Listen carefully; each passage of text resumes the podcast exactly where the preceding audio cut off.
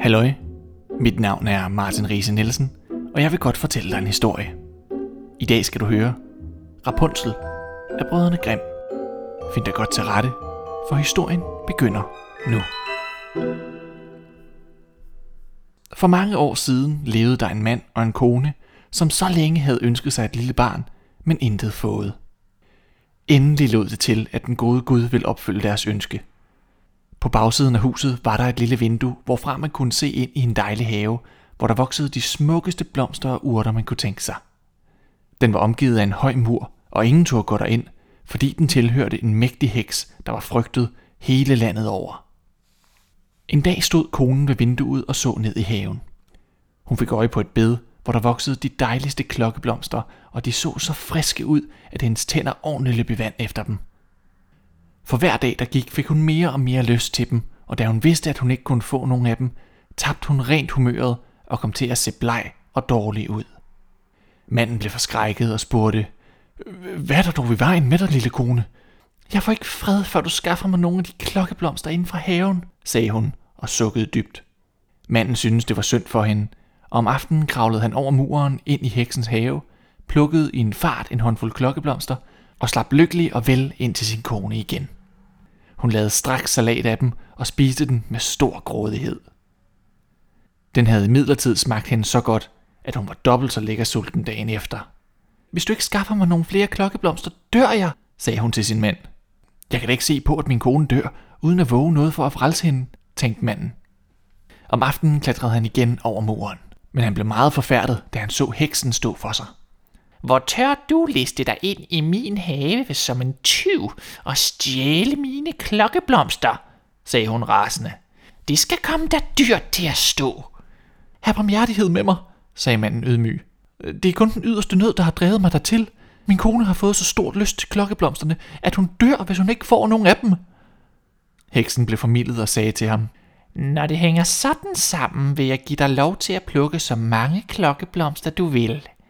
Jeg stiller kun én betingelse, og det er den, at du giver mig det barn, din kone føder. Jeg skal være en mor for det, og det skal få det rigtig godt. Den stakkels mand var så bange, at han sagde ja til alting, og så snart barnet var født, kom heksen, kaldte det Rapunzel og tog det med sig. Rapunzel var det dejligste barn under solen. Da hun var 12 år gammel, lukkede heksen hende inde i et tårn, der lå ude i skoven, og hverken havde dør eller trappe men kun et lille vindue helt oppe.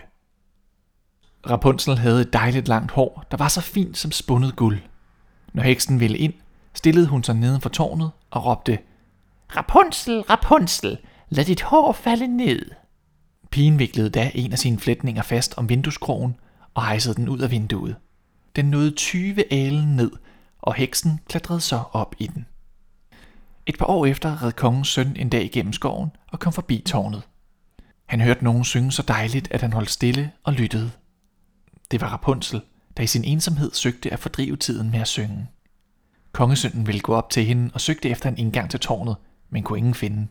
Han red så hjem igen, men sangen havde gjort så dybt indtryk på ham, at han hver dag red ud i skoven og lyttede til den. En gang, da han var derude, så han heksen komme hen til tårnet og hørte hende sige, Rapunzel, Rapunzel, lad dit hår falde ned. Rapunzel lod flætningerne hænge ned, og heksen klatrede op til hende. Jeg vil også engang forsøge min lykke på den stige, tænkte kongesønnen, og den næste aften gik han ud til tårnet og råbte, Rapunzel, Rapunzel, lad dit hår falde ned!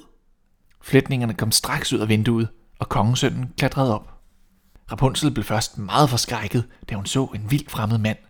Men kongesønnen talte venligt til hende og fortalte, at hendes sang havde gjort et sådan indtryk på ham, at han ikke havde kunnet få ro, før han havde set hende.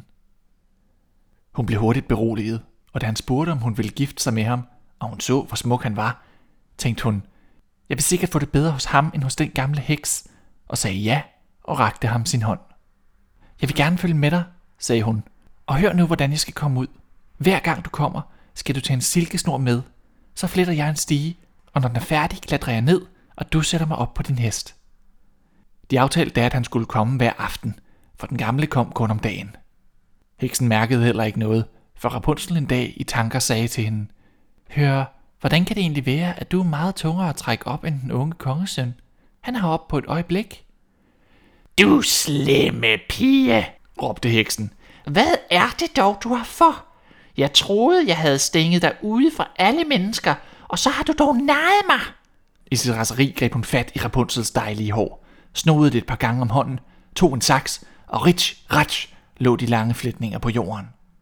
Og hun viste ingen barmhjertighed, men bragte den stakkels Rapunzel ud i en ørken, hvor hun måtte lide stor nød.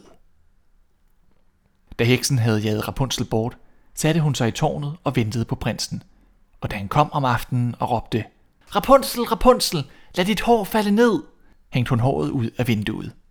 Kongesønnen klatrede derop, men traf ikke sin egen Rapunzel, men heksen, der så ondt på ham.